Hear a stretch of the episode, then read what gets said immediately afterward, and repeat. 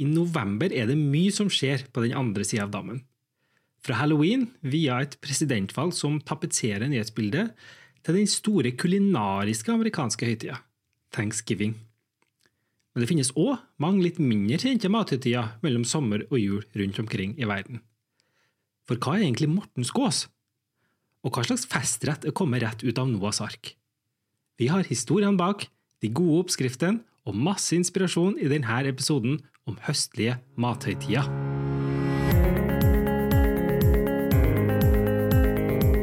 Hei, jeg heter May-Britt, og jeg sitter her på kjøkkenet mitt i Oslo. Og jeg heter Vidar. Jeg sitter på mitt kjøkken i Istanbul. Velkommen til Vaffel, en podkast om mat.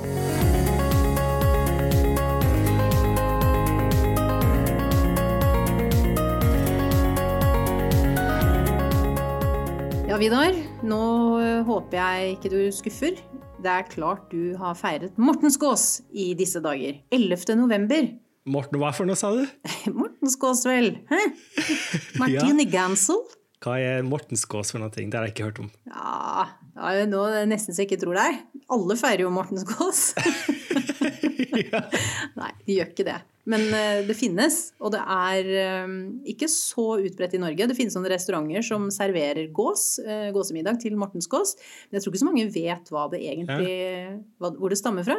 Ja, Hva er det for noe? Er det, er det gåsa som heter Morten, eller er det noen andre som står bak det navnet? ja, og så er det klatremus til dessert. Nei, det er altså en eldgammel greie. Det er den gode Sankt Martin. Han levde 300 år Å, ja. etter, etter Kristus ja, i Frankrike. Bodde i Tours i Frankrike. Ja. Eh, og han var en veldig from og ydmyk eh, mann. Han, var, eh, han eh, bodde i en by, Tors, og de som eh, bodde i byen, ville at han skulle bli biskop. Jaha. Fordi de likte ham. Ja. Men han var så ydmyk at han ikke hadde lyst til det. Aha. Han syntes ikke han var det verdig, så han gjemte seg altså blant gjess. Ja, I en innhegning, kanskje. Han lå Ja. der blant alle gjessene, musestille. Mens landsbyboerne gikk rundt i byen og ropte da, vet du. Marte! Marte! Marte! Hvor er du?' Og så skjønte gjesten at her har vi å gjøre med en eh, viktig person. Ja. Vi må si hvor han er. Så de begynte å lage lurveleven, og da oppdaget de hvor han, hvor han var. Og så ble han altså biskop. Så gjestene fikk et kall fra oven og fikk beskjed fra oven om at her var det bare å åpenbare seg. Ja, det var, det var sånn det var. Guds, Guds yes. Du vet, englene på jorden er jo yes. Um, Nei, men det, er faktisk eh, historien bak. Eh, Ja. og så har man da markert denne dagen 11. november um, i mange land siden den gang. Og særlig kanskje i Tyskland, Østerrike, eh, Sverige Ja. er det ganske utbredt. I Skåne, altså i Sør-Sverige. Og i Danmark, Ja. som jo eh, ligger i tett forbindelse til Sør-Sverige. Har bare gjort en brukbar jobb som biskop likevel, da, etter hvert når han blir feira 1700 år etterpå. da. Ja, det er ikke verst. Og så- men vet du hva, altså, det at de spiser gås, det skal visstnok være en straff. Åh. Tystegåsa blir straffet, eh, slaktet og stappet med epler og svisker og godsaker og stekt i ovnen. dårlig for gåsa, bra for oss. Mm. Men gåsesteik er jo veldig godt, da, så jeg syns jo at alle, alle høytider som har god mat knyttet til seg, det kan vi feire. Ja, det høres eh, veldig fornuftig ut å ha den tilnærminga på det. Ja. Har du lagd det sjøl, eller? Eh, nei, ikke morgensgås. Det har jeg ja. ikke laget. Men jeg har laget gås fordi som halvt dansk så er and en tradisjon på julaften. Ja. så det har vi hatt innimellom. Og så ett år prøvde jeg gås. Fordi opprinnelig i Danmark så hadde man så gås på julaften. Det var mer vanlig enn and. Mm. Eh, og det er jo veldig godt, men du verden så fett! Ja, det er det, Du men uh... kjenner det jo i huset en uke etterpå. Det lukter sånn gåsefett. ja. Jeg har faktisk spist det her i Tyrkia òg. Vi pleier å dra oh. Ja, ja, ja. Det, det er jo litt sånn uvanlig, for du tror det Jeg har jo snakka om det før, tror jeg. At eh, i Tyrkia og Midtøsten det er ikke så mye variasjon i kjøttet de spiser. Det er veldig mye storfe, lam og kylling. Mm. Det er liksom det det går i. Det er ikke noe mye viltkjøtt, og det er ikke noe mye annen variasjon. Men eh, enkelte områder så har de jo sånne lokale spesialiteter. Og eh, på et sted som heter for Gerde, som er en liten eh, landsby mellom Istanbul og Ankara, der pleier vi å dra sånn én gang hver januar eller februar. Fordi der er det Vest-Tyrkias eneste oppgåtte langrennsløype. Oi. Så da, ja, ja, ja, så jeg kan ikke drive og sette meg på et fly når jeg får lyst til å gå på ski, men eh, her er det tre og en halv times kjøring, så er vi til et sted som har langrennsløypa. Kjempefint det der òg. Nydelig natur oppi fjellene. Er det litt alpeaktig landskap? Eh, nei, egentlig ikke alpeaktig, kanskje. Fordi det er ikke sånn høye fjell. Det, er sånn eh, kanten av et platå, kan du si. Så de fjellene ser jo ned på et sånn kjempesvært platå. Akkurat. Men, eh, men, naturen er jo veldig fin, med masse svære furutrær. Mm. Og eh, ja, litt bakker og sånne ting. Det akkurat passer egentlig fint for eh, langrenn. Det, blir ikke norske forhold, for løypa er jo bare tre kilometer, så du går jo rundt og rundt. Men det er nå likevel en fin tur. Og sist vi var der, så Det hørtes barnevennlig ut. Ja, det er det. Så det er faktisk der de trener, de som går i OL for Tyrkia i langrenn. De, eh, vi ser dem jo ikke, da, for de ender jo omtrent på sisteplass, men de er nå med, i alle fall. Og, eh, men på hotellet vi bodde på der, da, så hadde de òg en eh, spesialitet med å lage gjess, som visstnok da er en, både en lokal spesialitet for området og for det hotellet, da, som jo hadde sine egne gjess. Det var et sånn eget uthus i, i bakgården der. Ja. Og det er som du sier, du kjente jo det når du kom inn på hotellet. Det, det lukta hva de hadde å by på til middag. ja. Mm. Og det var jo spennende, så det var faktisk veldig, veldig godt. Hvordan serverte de den? Jo, da hadde de en slags uh, stuffing, de òg, men litt annerledes enn den martinskåsa di. Da fylte de det med det som jeg kaller for tyrkisk festpilaf. Altså en uh, ris som er smaksatt med korinta, eller rusiner, da, en slags sånn små rosiner. Eh, pinjekjerner og varmende krydder, sånn alehonde kanel. Det hørtes innmari godt ut. Ja, så Litt av den risen var jo laga på vanlig måte, og så litt var jo fylt inni gåsa. da. Ja. Også I tillegg så fikk vi en sånn eh, ganske søt ja, Komposto kaller de det, da, men det er en eh, slags fruktsuppe, vil jeg si. Du kan jo oversette det med kompott til norsk, men når jeg tenker på kompott, så blir det litt mer sånn grøtaktig. Det her er veldig ja, sånn flytende ja, sånn søt saft, egentlig, med tørka frukt oppi. Ja, som, passe, som du spiste før gåsa? Ja, det var mest for å spise det før. Vi spiste jo både litt før og ved siden av, da. Men eh, jeg tror det var meninga at du skulle egentlig spise det før, ja, som en slags sånn få i gang appetitten før Ja, det kommer ja. det der litt heavy. Mm.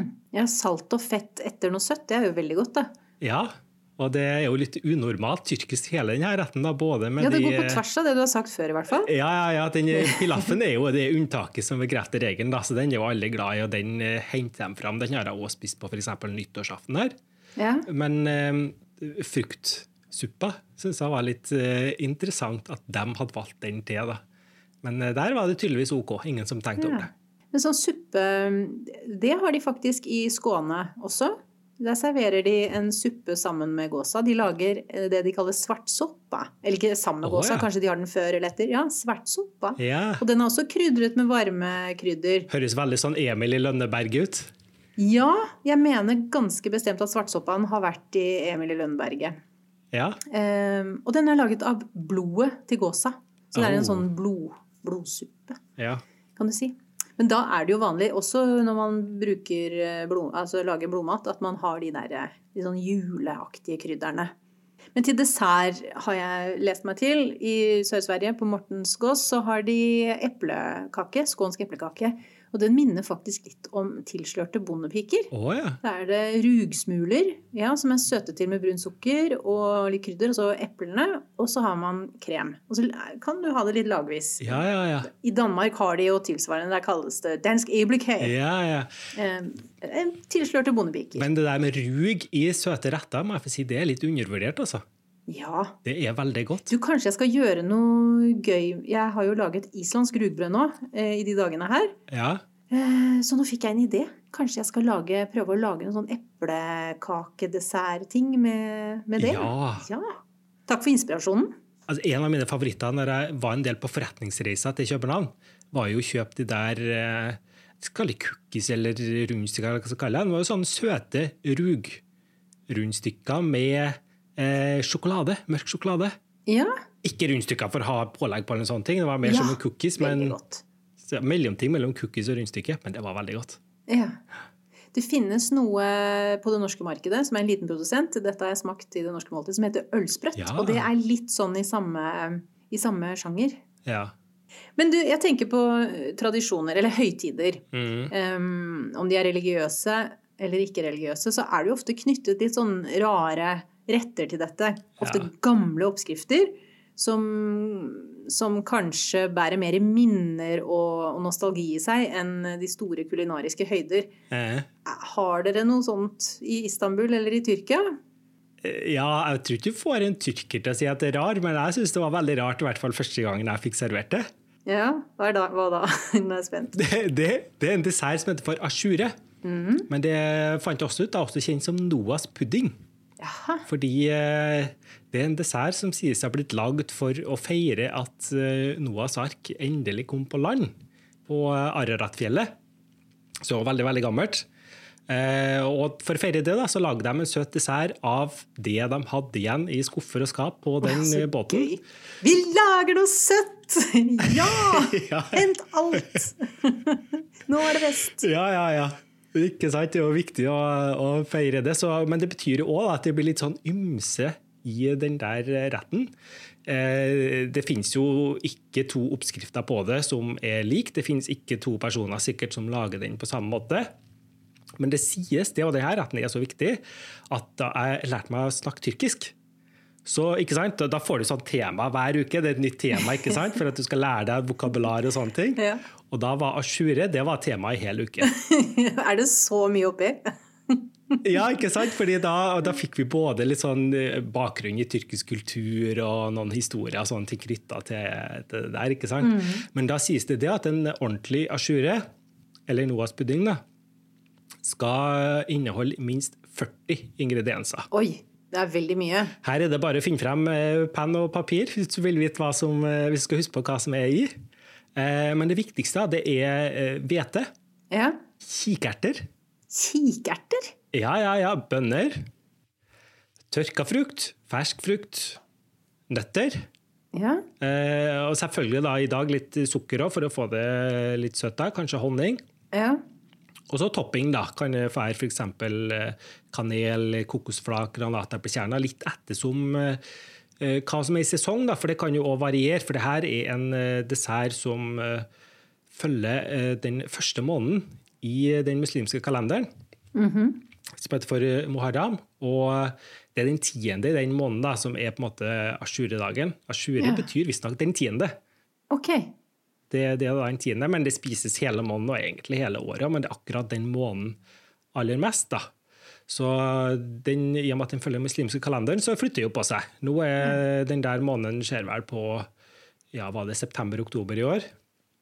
Så flytter da noen dager da, tidligere hvert år. Men eh, det, det var en sånn eh, interessant opplevelse første gangen jeg fikk det. Ja, det syns jeg var en Høres ut som en interessant opplevelse. Det var jo virkelig alt mulig, da. Men kan du, kan du sammenligne det med noe? Nei, det kan jeg ikke. Men det er en slags grøt, da. Det er en kald grøt Ja. med, med kikerter Er den kokt i melk, var det det? Nei, kokt i vann, tror jeg. Men jeg fikk jo den første gangen da, av eh, mora til samboeren min, altså svigermor, da, Ja. som hadde laga det første året vi var her. Og da kom vi jo med en helt sånn, eh, du vet, sånn runde ildfastformer med lokk. ja. Så vi fikk en hel sånn som hun hadde laga. Det så jo så fint ut da, vet du, dandert fint på toppen med litt kokosflak og granateplekjerner og kanel og litt valnøtter og liksom sånn litt sånn fint, da. Og så skulle jeg smake på det, så var det bare Ja, det er søtt, men det er kikerter, og det er bønner. Så der var det en bit tørka aprikos. Det var, det var litt rart. Men så fikk jeg det igjen året etterpå. Da var det litt bedre. Ja. Og eh, nå har jeg jo vært her i fem år, da, og nå gleder jeg meg bare til, til det blir ajourmåned. For det, det syns jeg faktisk er godt. Det er ikke sant, det er det, vet du. Det er akkurat det.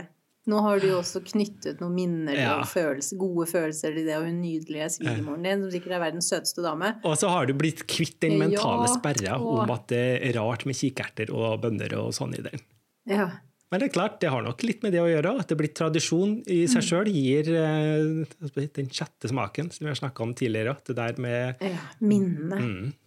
Men hva med hva, Er det noen andre høytider nå? Det er Ashore, den har dere hatt. Ja. Er det noe annet som skjer nå Nei, nå er det egentlig ingenting før, eh, før nyttår. Så, eh, men jeg kan jo fortelle en annen historie om uh, mat som jeg snubla over på denne tida av året. Som var en slags Det var ikke mm -hmm. høytid, da, men det var høytid for den lokale landsbyen.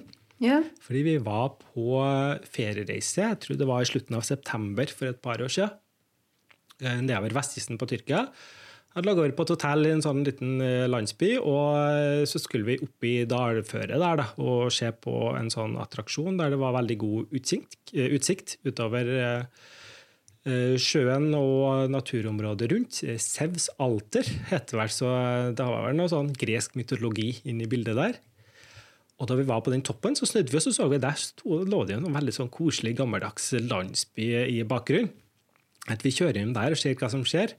Og eh, der var det jo fullt liv, vet du, når vi kom inn. På, eh, på, den. Vi fikk ikke til å kjøre inn der engang. Vi måtte bare parkere eh, si, mellom masse andre biler ved utkanten av den landsbyen. Og i sentrum av den landsbyen, eller akkurat der du kom inn, da, var det jo et stort sånn torg. Stappfullt av folk, og det var liksom bord satt opp og sånn overalt. Og ved inngangen så satt det noen sånn åpenbart landsbydamer. Jeg vet ikke om du har sett bilder av sånn eh, gammeldags landsbybekledning fra Tyrkia og Midtøsten-området? Kanskje. Gi meg et hint.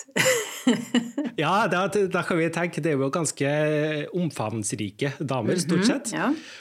Og eh, ganske behagelig kledd, med noe sånn bomullstøy, men veldig, veldig hvitt og bredt og sånn florale mønster. ikke sant? Masse blomster. Ja, Du kan spise mye. Det er plass til mye god mat. Ja, ja, ja. Du kan godt trekke den litt oppover. ikke sant? Så den, eh... Ja, Åh, det er godt. Ja. Sånn over magen, over navlen. ja.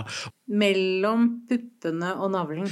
Og de satt da foran hver sin mm. enorme gryte. Det er en sånn Asterix eh, Obelix-gryte, ikke sant? ja. og um, hadde jo laga da noe godt. Og spiste av grytene. Ja, nei, de, de serverte meg, vet du, var ikke, de var ikke så store.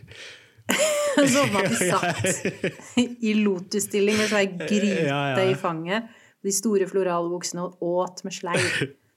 Nei, Så viste det seg da at det var en etterkommer av noen som var fra den landsbyen der, som har gjort det, holdt på å si, slått seg opp her i livet og tjent ganske bra med penger, og som da pleide å donere en ganske brukbar sum hvert år, så landsbyfolket der kunne ha seg en ordentlig fest på det. Lokal fest. Yes. Er det vanlig i Tyrkia? Det vet jeg ikke. Jeg har ikke snubla over det noe flere ganger. Men eh, det Nei. skal du ikke se bort ifra. Fordi folk her har et veldig tett forhold til de stedene de kom fra opprinnelig. Mm. Jeg tenker jo bare på sånn som samboeren min sier, at han er fra Ismir, f.eks., som er en by i Vest-Tyrkia. Ja. Og selv om han har bodd der en del i barndommen, og sånne ting, så årsaken at han sier det, er at bestefaren er derfra. Aha, ja. Så den der følelsen av tilhørighet går ikke bare mm. din egen generasjon tilbake, men flere generasjoner tilbake. Ja. Så du skal ikke se bort fra at det finnes eh, flere sånne. Men da hadde de jo da slått til og ordna en sånn skikkelig jeg vil si en slags sånn anatolsk, egentlig, kanskje festmåltid. Mm. Jeg sier anatolsk, for det var veldig mye korn og kjøtt og lite grønnsaker. Ja, Sånn innlandskosthold? Uh, ja, faktisk litt mer kanskje mm. i, i beslekta med det vi er vant til. da. En, ja, ja, eh, sånn, ja. Tenker på sjåk. Ja, for eksempel, det er min, hvis jeg skulle si jeg var fra et sted hvor jeg ikke har bodd, så måtte det bli sjokk da, med besteforeldrene med byggryn og gris. Ja. ja. det er det vel ikke Nei, gris er det ikke, da. Men uh, kjøtt og gryn og melkeprodukter. Og særlig faktisk byggryn, for den, eh, det var en sånn ja. grøt ja. var faktisk en av de Det var første gang jeg prøvde den, den der grøten, da, som er ganske klassisk i sånn gammeldags tyrkisk matlaging. Jeg tror den skal være byggryn, egentlig. Det er en byggrynsgrøt. Jeg er jo vant med grøt når jeg tenker på sånn da er det søtt, liksom. ikke sant? Havregrøt med sukker og mm. kanel mm. eller risengrynsgrøt eller noe sånt. Men her var jo da salt, ikke sant? sikkert kokt i kraft, og med noe sånn lammegreier oppå. Oi, det er Som en risotto, liksom? Bare av byggere? En bygotto? Ja, det, mm, jeg vet ikke jeg si, det var ikke sånn risottokonsistens på heller. Det var liksom veldig grøtete, for det var, var, mye mer kokt gjær enn hva en risotto ja. er. Ja, så det, det, har sikkert stått og kokt ganske lenge, kanskje over natta til og med. ikke sant? Så det, det, var en litt sånn spesiell smak for min ja. del. For igjen da har du den mentale tankegangen om hva en grøt egentlig er. ikke sant? Øynene dine ser én ting og forventer noe på bakgrunn av det. Mm. Og så er bare smaken noe helt annet. Men det var morsomt å prøve det. Ja. Jeg syns det høres veldig godt ut, fordi jeg tenker at alt fettet fra kjøttet, all kraften fra beina fra, marg, alt sitter da i byggrynene. Mm. Jeg får faktisk litt vann i munnen. Kan, Ja. kan hende jeg har vært en sånn kone i et tidligere liv, når jeg kjenner etter. Ja, kanskje det. Jeg må I en prøve, å- sånn floral stor bukse. Ja. ja, Jeg, jeg liker det der, altså. jeg må prøve å se gjennom finkjemme nå i de tyrkiske kokebøkene mine. Må jeg finne oppskrift på det i sted. Kan jeg sende det til deg? Ja. ja, ja, ja, gjør det. Det vil jeg veldig gjerne prøve. Det var jo mer, da. Det var jo, vi fikk noen kikerter, fikk vi, og det var noe ris, og så var det ei eh, lammegryte med potet, tror jeg. Så det var, det var mye godt. Og så, altså, nå hoppa jeg over på at det, den voldsomt gjestfrie biten, der, for vi hadde jo bare snubla over i det der. Og da var det som sa ja, må bare forsyne dere, kom her og få mat og sånne ting. Og vi bare Ja. nei, vi er bare turister, vi er på besøk, ikke sant? Vi skal ikke ha noe mat. Vi visste jo ikke hva vi hadde snubla over. Vi trodde jo først at det var noe bryllup eller gravferd eller et eller annet sånt. ikke sant? Jeg sa nei, nei, nei, nei, alle skal få, alle er invitert, ikke sant? Ja. Hassan spanderer. Det var en uh, morsom opplevelse. Og så gøy! Ja, så fikk jo dessert, vet du. Ja, men det var ikke den eh, Noas eh, pudding. Nei, det var ikke Noas pudding. Da fikk vi noe som kanskje er litt mer kjent da, for en del nordmenn. da. Eh, lokma kaller tyrkerne det, da. Ja, er det en Lokmades. Ja, ja, ja, ja, ja. Har grekerne Ja, ja, det også? Har de ikke det? Ja, ja, det er arabisk, tror jeg, opprinnelig. da. Lokma er jo et Ja, arabisk akkurat. ord, men uh, grekerne har det òg. Frityrstekt og deilig og søtt. Litt sånn Ja. eh, smultringaktig, uten hullet. Ja, nettopp. Det er en slags sånn Mm. donut med masse sirup på, holdt på å si. Uh, Ja. Sånn dynka i er ordentlig. Mm. søtt. Ja, det er jo det det egentlig skal være, tror jeg. Men honning er jo ganske kostbart. Men vet du hva? Apropos altså, markeringer og høytider og spesielle anledninger vi snakker om, og maten knyttet til det. Jeg jobber sammen med to, eh, to damer fra Sri Lanka eh, på tannlegehøgskolen. Pramilla og Pranjana. Eh, og Pramilla har pleid å ha med når det er noen som fyller år. Da har hun av og til tatt med en srilankisk ting eh, som minner litt om de derre oh, ja. Eh, Er Det litt mer igjen? eksotisk vri på det, eller? Lokma. Lokomades. Ja, lokma, ja, lokmades. Eh, ja, det er banan. Most banan. Ah, ja. eh, og så lurer jeg på om hun har litt mel oppi, om hun smaksetter det med litt krydder, og så lager du små, mm, små sånne ja, Tar det på en skje, og så frityrsteker du. Ja, ja, ja. Kjempegodt. Mhm. Ja. Det er det, vet du. Ting blir godt når du friterer det. Ja, ikke sant? Mm. Og her er vi jo nesten litt over i Amerikalandet Amerikaland òg, da. Med sånn Ja, donuts-lignende. donutland, ja. Der så er det jo mye rart på denne tida. Ja, det gjør det. Vi går jo, det går jo fra den ene tingen til den andre i Amerika, gjør det ikke det nå, da? Fra eh, halloween til presidentvalg fra morgen til kveld. Ja. Og Halloween ja, Jeg er ikke troende der, må jeg bare si. Det er, er veldig kjedelig. Ja, unnskyld alle barn. der tror jeg vi er av en annen generasjon enn den yngre. Vi er nok litt for gamle. I Norge, i hvert fall. Ja, Og det er ikke den store kulinariske saken heller, det, da, kanskje.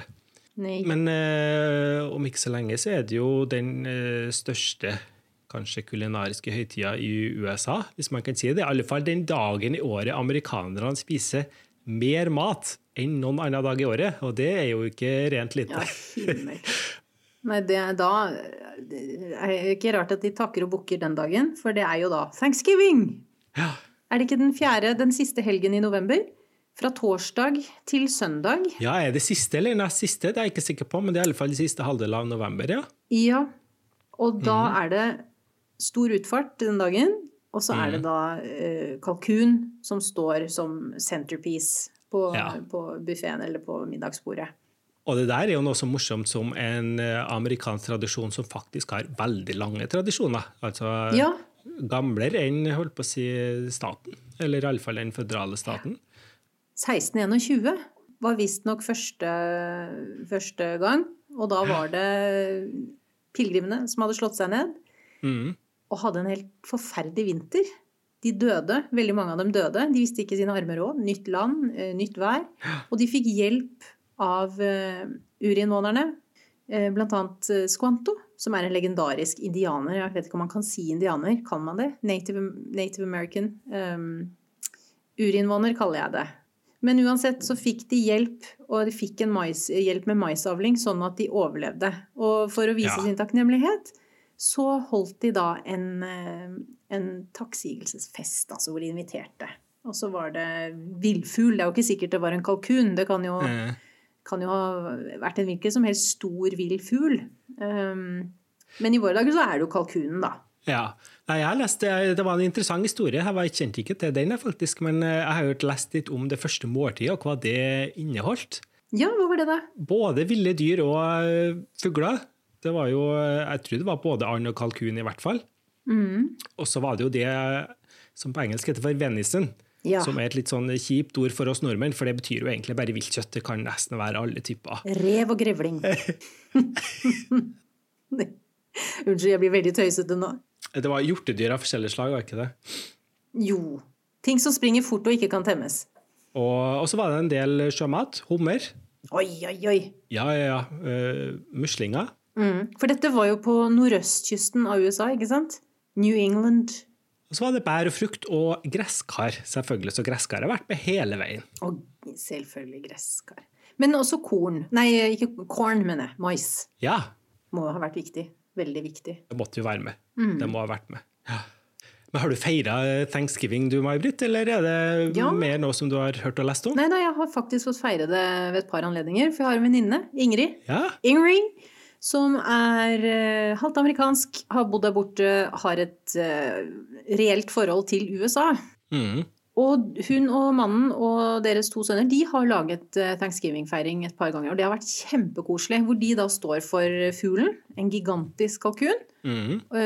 med stuffing. Og så tar vi andre med oss en rett til buffeen, eller til bordet. Så da har jeg I fjor så tok jeg med eh, søtpotetsalat istedenfor søtpotetmos. ja. Modernisere. Ja, og så tenkte jeg litt friskere, for det blir jo mye søtt. ikke sant? Ja. Amerikanerne er glad til å ha med litt sånn søte ting ved siden Og mye heavy. Mye heavy. Eh, en annen hadde med seg grønne bønner. Vi hadde gresskarpai. Hva var det mer, da? Cornbread. Ingrid lagde cornbread. Ja. Har du smakt cornbread? Ja, jeg har gjort det. De er, har faktisk det her òg, fordi det er noe som hører til Svartehavsregionen, eller Svartehavskjøkkenet, det her i Tyrkia. Fordi eh, der vokser det veldig mye mais, så de lager veldig mye forskjellige ting med mais. Derav da maisbrød, som de har blitt veldig kjent for. Og eh, jeg vet ikke, hvordan, hva hva er ditt forhold til maisbrød? Jeg må få si det, jeg har fått dem servert en gang, aldri lagd det sjøl. De blir fort litt tørre. Ja. Det er, det er veldig godt når det er nybakt. Det syns jeg. Og så Ja. blir det fort litt tørt. Men, for det er ganske kornete, ikke sant? Er Sånn, tenk, Ja. tenk, som eh, polenta, på en måte. Ja, nettopp. Det er det jeg tenker, jeg. Ja. Den type konsistens på utgangspunktet, da. Men det det Mm. er genialt til, er jo å, når det blir litt tørt, er jo å suge opp saus, f.eks., og kraft fra tallerkenen. Ja. Så det er veldig godt å bruke som en sånn til å rydde og rense tallerkenen sin helt til slutt, da, hvis det ligger godsaker igjen der. Det må jeg si. Ja, ja, ja. Mhm. Men gresskarpai, da? Liker du det? Ja, ja, ja. Jeg spiser det hvis jeg får det servert. Jeg har ikke lagd det sjøl. Det må såpass ærlig må jeg være. Eh, vi har jo gresskar her òg, i Tyrkia, og her òg er det dessert, da. Eh, De eh, kandiserer det, ikke sant? De gjør det veldig, veldig søtt. Og serverer det da med tahini og valnøtter. Og det er liksom måten Mhm. du la, bruker gresskar på her. Så hvis du kjøper gresskar på markedet, så tror alle sammen at det er det du skal lage den desserten. Ja. Ikke til suppe eller ovnsbakt med noen Nei. salte greier, liksom? Nei, det er det bare jeg som gjør, så folk tror jeg er gæren vet du, når jeg holder på å bruke det gresskaret til salte retter. Vel, jeg, jeg, synes det er godt, jeg synes det kan være godt det, da. særlig for oss som har litt dårlig tilgang på søtpotet her. Ja, det syns jeg er veldig godt. Så eh, jeg bruker det ofte, det. Men det er gresskarpar. Nei, ikke helt der, altså. Ok, jeg har en oppskrift på det på bloggen, ser du. Ja. Og da er det jo kokt gresskar i den. Mm. Jeg, jeg syns jo også at gresskar, kokt gresskar har litt sånn barnematvibber. Men når du får stekeskorpe på det og litt salte ting, så er jeg enig i at det blir veldig godt. Men jeg syns jo den gresskarpaien er ganske god, altså. Det er jo Ja. krydderne som på en måte løfter det. Ja, ja, Det er igjen litt sånn juleaktig krydder, da. Det blir liksom gulotkaka. Det er ikke gulota som gjør gulotkake god, Ja, heller. Det er jo. Ja. det er krydder Ja, og sukkeret sukker og smør og Ja, Og så er den grønnsaken er med på å gjøre det litt, sånn, litt saftigere, da. Ja, nettopp. Jeg er veldig begeistret for den thanksgiving-feiringen. Altså. Når vi har feiret det med Ingrid og familien hennes, så skal en og en reise seg ved bordet. og så si noe som man er takknemlig for i det året som har gått. Og det syns jeg er en sånn Mhm. fin ting. Det var litt sånn kleint første gang jeg var med på det. Så tenkte jeg oh, det var jo veldig inderlig og flaut. Men så var det bare fint. Og så liker jeg det at man spiser så mye at man må åpne buksa, legge seg Ja. nedpå, kanskje ta seg en blund. Hvis man er over en viss alder, så er det lov å snorke Ja. og, og eh, bli ledd av. Bli filmet med mobilen av barna. ja. Men det er én ting på en sånn thanksgiving-buffé som jeg ikke syns høres så veldig spennende ut, eller godt ut, og det er candied yams. Har du prøvd det, eller hørt om det? Nei, det har jeg ikke hørt om, men det hørtes litt sånn Er det dessert, eller? Nei, nei, jeg tror ikke det. Åh. Det er vel siden av. Det er søtt, da. Det er eh, Å. som er Det er ikke det samme som søtpotet, det er en annen type. Den er ikke så søt, og den er hvit, og den har mye grovere skall. Um, Det er den som er eh, bakt i ovnen med sukker og krydder, og på toppen så er det Hold på hatt og briller nå. Marshmallows. Å nei, ja, selvfølgelig. Uff. Ai, ai, ai, ai. Ja. Nei, det der er det bare amerikanere som kan spise, tror jeg. Ja. Jeg tror du må, du må ha litt sånn amerikansk DNA i blodet for å spise sånn med bobler, marshmallow på alt mulig. ja, det er som lutefisken her hjemme. Du må på en måte Du må, du, du må ha vokst opp med det, ja. tenker jeg. Men sånn eh, tranebærsaus, det syns jeg er veldig godt. ja, det er jo det er fint. også litt søtt. Det er jo fint, for da får du Men det er jo litt sånn småsyrlig, er den ikke det? Jo, den er litt sånn tangy, eller pikant, kan Ja. man kanskje si. Den har en litt sånn derre eh, tanninaktig smak. Mm. Ja. Eller um, munnfølelse. Som er veldig godt mot det fete. Det blir som Ja. vin, ikke sant? Mm. Tanniner. Hvordan lager du den? Får du tak i friske bær, eller bruker frosne eller tørka, eller det kommer i så mange varianter? Det er tranebæra. Ikke bruk tørka. Det, det blir litt Mm. vanskelig, tror jeg. Men eh, ferske får du tak i. Meny pleier å ha i hvert fall. Eh, kan godt hende Rema 1000 også begynner med det, hva vet jeg. Men du får det i gode butikker. Og så Ja. tror jeg også det er mange som har det frosne. Du bare koker det med vann Ja. og, og sukker. Det blir litt sånn som tyttebær. Ja. Og litt samme følelse, for tyttebær er også litt bitre. Selv om de blir søtet. Veldig fint med alt det heavye rundt, for selv om Mm. eh, kalkunen da, er centerpiecen og kanskje ikke den mest heavy, så er jo alt det andre rundt veldig heavy. Ja. Har, har du stått for kalkun, eller har du prøvd å helsteke kalkun? Ja, det har jeg prøvd. Ikke til thanksgiving, men jeg har laget oppskrift på det for kunde. Um, Og jeg må si, det er jo en mager fugl, i motsetning til gås, som er bælfeit. Så er jo kalkunen um, en mager sak. Så den Ja. blir jo fort tørr. Det er jo det alle sliter med, ikke sant? Og de Nettopp. står med sånn pipette og drysse eller helle fett på underveis og sånn. Alle vil, mm. Man jobber for å få, få den uh, saftig. Og mitt Ja. tips og mitt beste råd er ikke vær redd for å la den hvile nok ja. etter at den er ferdigstekt. For da får alle saftene i den svære uh, jævelen av en fugl satt seg. Um, så jeg tror det er det som ofte skjer, er at folk skjærer i den for fort, og så renner safta ut. ja. Og når du sier at den skal hvile seg lenge, hvor lenge er det? To timer, faktisk. Så lenge. Å ja, såpass Ja lenge? Ja. Og den, jeg lurer på om det var Jamie Oliver jeg til slutt landet på. Jeg. Jeg en, det var i hvert fall en engelsk oppskrift som sa prøv å la den hvile i to timer. Ikke vær redd for at den blir eh, lukewarm eller lunken. Mm. For alt tilbehøret, saus, poteter, det er jo Ja. kjempevarmt, ikke sant? Så kan du lune litt på kalkunen eh, i varmeskapet etterpå. Men, men eh, jeg vil heller ha en saftig og Ja. bare sånn lun kalkun enn en tørr og Mm. blodvarm kalkun. Men vet du, jeg synes, eh, når jeg tenker meg om Altså, lunken kalkun smaker jo mye bedre også enn veldig varm kalkun. ja. Ja, det blir liksom Smaken kommer bedre frem òg, syns jeg. ja. Jeg føler at jeg liksom fikk deg med på laget mitt. Ja. Vi som elsker lunken kalkun. Ikke sant? Men jeg, må jo få si det sånn generelt. Da. Jeg, jeg tror kanskje vi nordmenn har en tendens til å kjøre på litt for hardt på varmen. At det skal helst skal liksom ryke ut av ørene på oss når vi spiser varmmat. Ja, der har du mora mi. Ja, det, jeg tror ikke hun er alene om det. Men jeg syns faktisk smaken kommer bedre frem om den er noen grader eh, holdt på å si for kjølig, heller enn noen grader for varm. Ja. Så sånn generelt. Og så er smør Mer, mer, nok smør under, uh, under skinnet. Så jeg, jeg Ja. blander smør og urter og salt og kanskje litt um, finrevet sitron, eller til og med litt finrevet appelsin kan være veldig godt.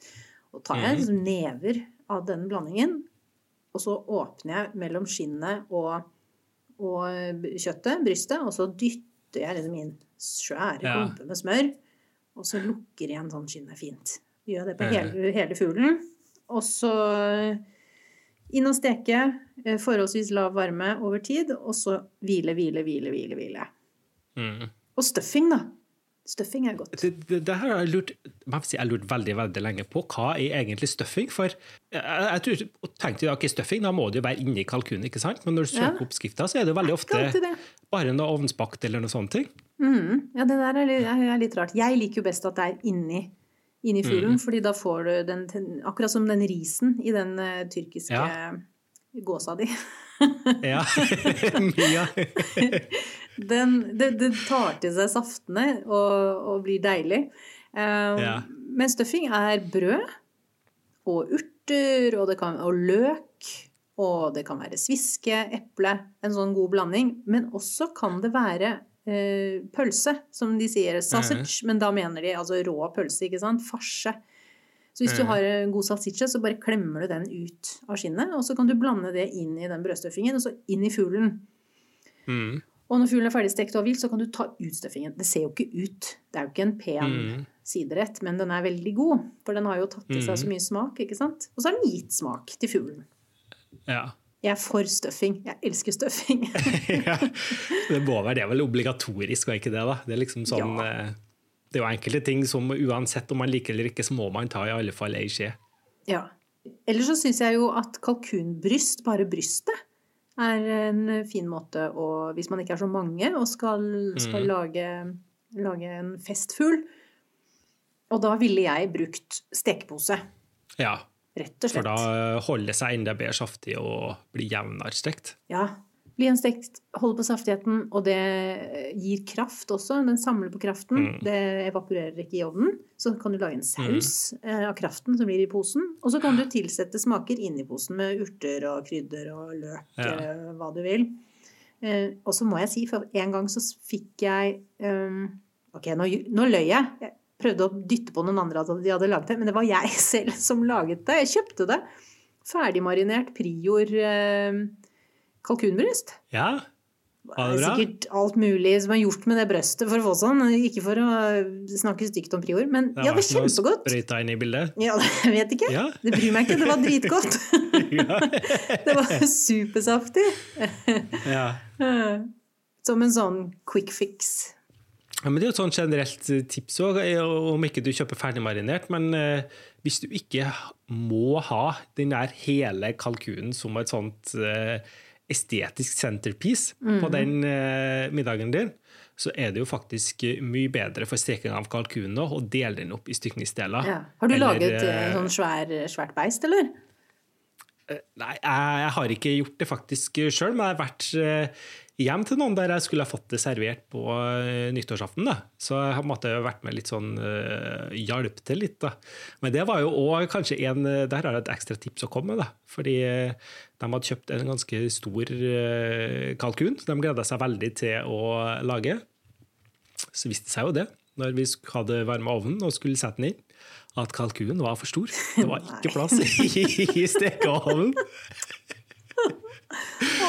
Så, ja, så da var det bare å hive seg i bilen og komme seg på det var nyttårsaften også, da, og komme seg på, eh, på eh, nærmeste butikk og prøve å finne eh, en eh, litt mindre utgave. Da. Og jeg tror det var bare én igjen, men eh, den var akkurat sånn. Det var stor, den òg, ja, men den fikk vi inn. da. Ja. Så, så det kan være et tips. Det, det er fint at kalkunen er stor, men pass på at den er ikke er større enn eh, stekeovn, så Ja. du får plass. Altså, Du er sikkert ikke den eneste som har gått på den smellen. At, at de, liksom, eh, det øverste på kalkunen går helt oppi grillelementet Ja, på nettopp. ovnen. Så det blir helt svartbrent, og det, varmen får ikke til å spre seg rundt. Samme her. Men et annet sånn faremoment er jo at man tiner den kalkunen eh, for seint. At man Ja. tar det dagen før. Det har jeg nemlig noen venner som gjorde, som skulle ha den store, ja, fine fuglen på nyttårsaften. Mm. Mm. Hadde kjøpt den dagen før og tenkt at den skulle tine til nyttårsaften. Det skjedde jo ikke. Den trenger jo i hvert fall to Nei. døgn. I hvert fall Ja. i kjøleskapet hvis den er stor. Så det de til slutt måtte gjøre, var å putte den store fuglen i en plastikkpose, og så fylte de badekaret med varmt vann. Og så badet bad. ba, Fikk den et nyttårsbad oppi der ja, ja. før den ble stekt. Så det er også en ting man må passe på Ja. med de store fuglene, at de får nok tid til å tine. Ja, for da, da vil jeg tro, og da øker det jo faren for at det blir tørt. fordi eh, det var sikkert litt frossen i midten ennå da de satte den i ovnen. Og da Ja, det var- og så renner alt ut. Men hva med grønnsaker da på Thanksgiving? Det er noen grønne bønner inne i bildet. Det har jeg en venn som har hatt med. Han lagde en sånn deilig grønne bønner med litt sånn frisk vinaigrett. Ja, vet du historien bak den? Nei? Nei, fordi den er faktisk en ganske ny rett på Nei. Thanksgiving-bordet. Nei, det, det kan være franskinspirert, kanskje. Men det, det skal visstnok være en rett som kom inn først på 50-tallet på eh, Thanksgiving-bordet. Grønne bønner? Ja. Eh, altså opphavet bak den eh, retten var et eh, selskap som heter for Campbell Soup Company. Nei, du tuller. Nei, nei, nei. Hæ? Ja, de, de eh, hadde da noen glupe hoder i markedsføringsavdelinga si som hadde fått i oppgave å få fart i salget på sin hermetiserte, kremete grønn, eh, soppsuppe. Og da var det jo eh, veien kort til en oppskrift med grønne bønner. Én boks hermetisert, kremet soppsuppe. Inn i ovnen, green bean casserole. Så eh, det var litt morsomt. Vet du, måten jeg snubla over den historien der på, var faktisk at noen fortalte at de hadde lyst til å lære seg litt eh, å lage litt sånn Thanksgiving-mat sjøl. Og kontakta da selvfølgelig bestemora si for å få oppskriften hennes på tingene som de var så glad i, og som de var sikre på at hun har brukt hele dagen på å lage. Ikke sant? Og verdens beste, liksom. Ikke sant? Da, da var det blant annet da, den green bean casserole den ville ha oppskrift på. Og det er jo er ganske forferdelig. da. De fant at det var egentlig bare to ingredienser. Ja. Den ene hermetisert. Kanskje bønnene var hermetiserte også?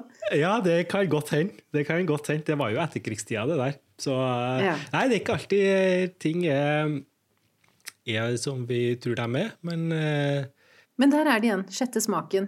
ja, ja, ja. Minnene. Den er viktig. Bestemors. Mhm. Absolutt. Har, ja. Men nå er det jo snart jul, da, Vidar. Det er liksom det neste store nå.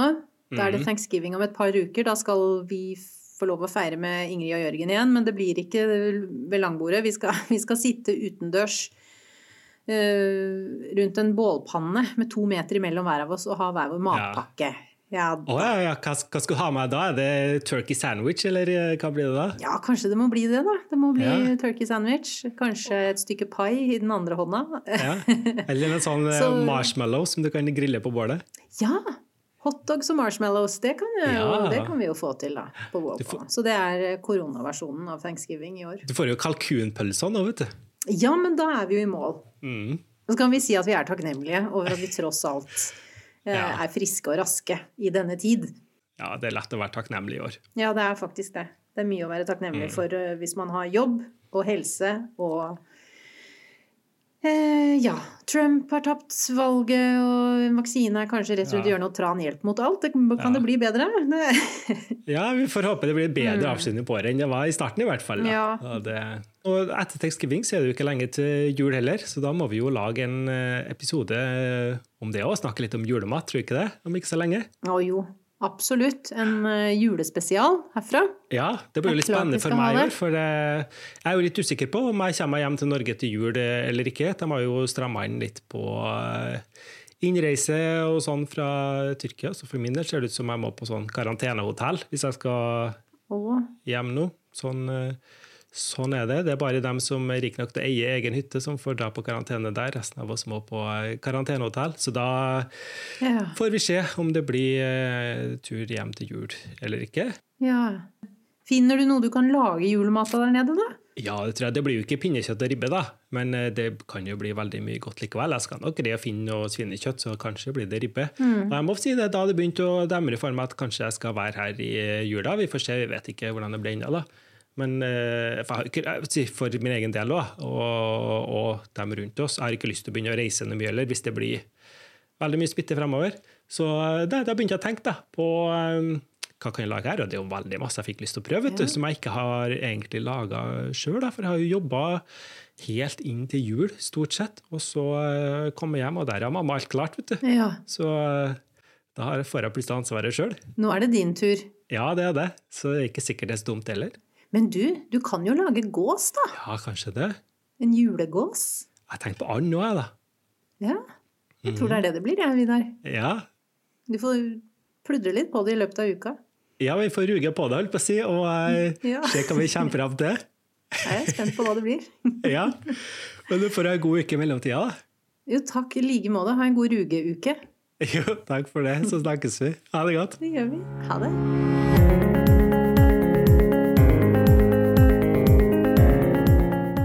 Du på nyhetsbrevet vårt? Der får du oppskrifter og ekstra inspirasjon knytta til ukas tema. Denne uka får du lese litt mer om min amerikanske historie, som ansatt i et amerikansk selskap under finanskrisa, og så får du selvfølgelig May-Britt oppskrifter på gresskarpai og stekt and, og min oppskrift på tyrkisk lammegryte, blant annet. Nyhetsbrevet finner du på vaffel.substack.com, og melder deg på når du er innom, får du det i innboksen din hver søndag morgen når vi legger ut nye episoder. Lenke til nyhetsbrevet finner du òg i episodebeskrivelsen der du hører på oss, eller på Facebook-sida vår. Neste uke er det tilbake til hverdagen. Når vi nå igjen skal bevege oss mindre enn før, blir det flere middager hjemme. For mange helt alene.